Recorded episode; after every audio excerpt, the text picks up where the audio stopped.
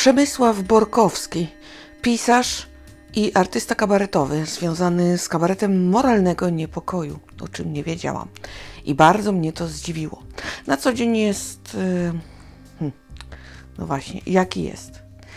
Na zewnątrz jest osobą wesołą, jednak yy, w domu chyba dominuje ta twarz yy, introwertyka. Jego teksty, kiedy je tworzył, zawsze ciążyły ku zbrodni, ku jakimś trudnym sytuacjom. E, I choć lubi humor, lubi głupie żarty, to jednak cały czas gdzieś ten kryminalny zew był, wołał i było to widać. I tak też się stało, że choć pisał książki z różnymi elementami, to zawsze ta zbrodnia gdzieś tam była. Aż w końcu stwierdził pan, że no kurczę, bez sensu. To ja, skoro to lubię, będę pisał kryminały. Tak się stało. No i spotkania autorskie online z okazji premiery najnowszej książki Śmierć nie ucieknie. Prokurator Saredyńska. Pisarz bardzo lubi tę bohaterkę, jeśli chodzi o bohaterów, to y, czy utożsamia się z którymś, właściwie z każdym. Każdy z nich ma jakieś cechy autora. Trudno tego uniknąć, a więc skoro tak musi być, to tak jest. Są postaci, które go drażniły źle na tym wyszły, ale jakoś specjalnie zabójczych zamiarów wobec swoich bohaterów autor nie ma. No pewnie na tyle, ile y, fabuła Y, tego wymaga, y, no ale ponad miarę to nie. Jak autor pisze? Po pierwsze, systematycznie. Mm, najczęściej między 9 a 14. Oczywiście zdarza się później, czy tam kiedy można, ale to jest najlepsza pora. W przypadku cyklu z prokurator sardyńską nie było tak zwanej drabinki, czyli szczegółowego planu. Tutaj autor miał jakiś zamysł, miał jakiś y, szkielet pomysłu i pozwolił bohaterom mm, robić mniej więcej z tym, co chcie, chcieli. Czyli żyć własnym życiem. I tak naprawdę sam był zaskakiwany y, obrotem sprawy. Y, I na przykład bywało, że długo nie wiedział sam, kto zabił, i było to dla niego bardzo ekscytujące doznanie.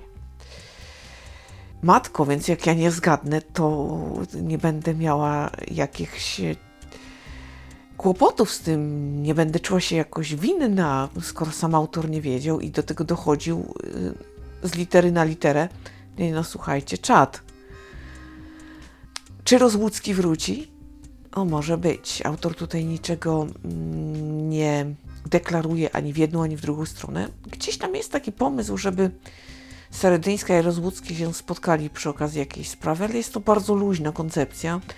Także nawet jeżeli właśnie się ucieszyliście, to nie przywiązujcie się do tego, bo nie wiadomo, co z tego będzie.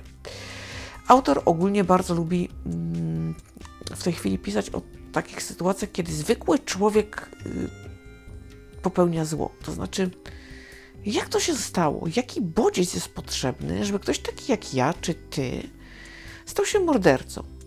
Mówi się, że mordercą może być każdy, że każdy z nas ma ku temu predyspozycje jakieś, tylko bodźca brak. No i w większości y, przypadków tego bodźca nie ma. No, większość populacji jednak nie morduje, prawda? Ale jeżeli już do tego doszło, to dlaczego? Jak to się stało?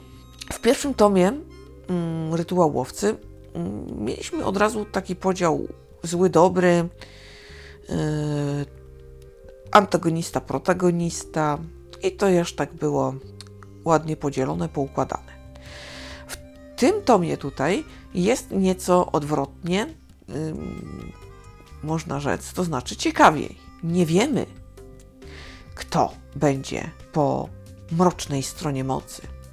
To wszystko rodzi się na naszych oczach. Sam autor w sumie do końca też tego nie wiedział, tak od razu.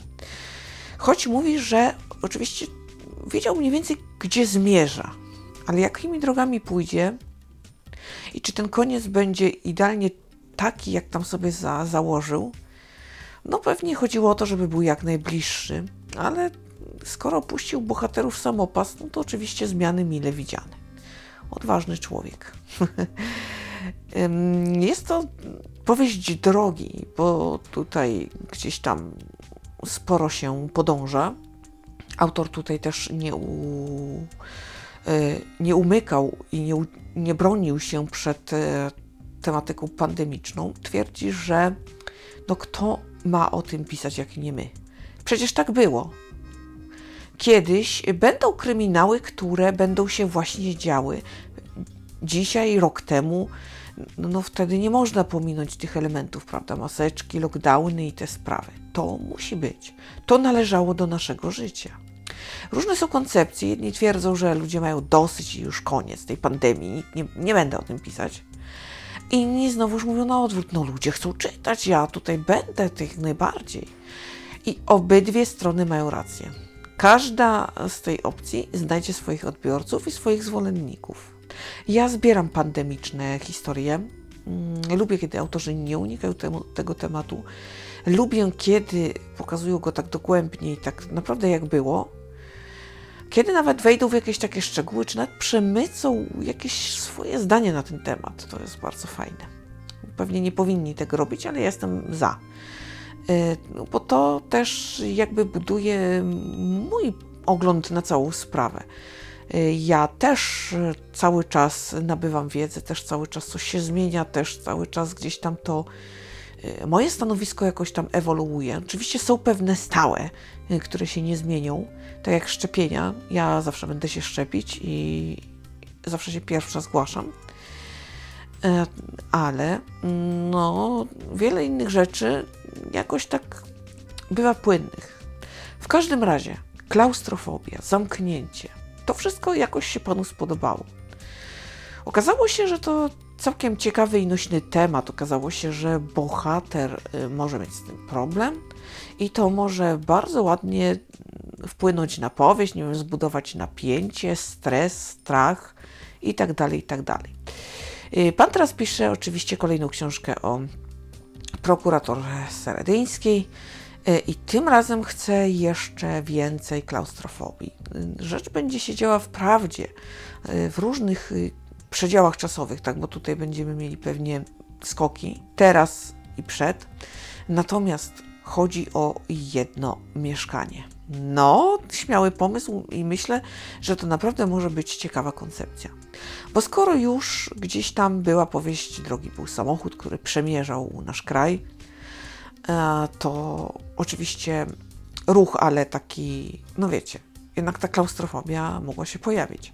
Dlaczego tego nie wzmocnić? Jak najbardziej, jak najbardziej. Oczywiście będzie zbrodnia, była też mowa o adrenalinie, za którą tutaj pani prokurator tęskni, choć nie powinna było o nieprofesjonalnym jej zachowaniu i było o tym, że mm, no właśnie, fachowcy mówią o tym, że to, co nam opowiadają pisarze, to trochę bajka. To nie jest tak, że prokurator wychodzi z zabiórka i będzie tutaj prowadził śledztwo.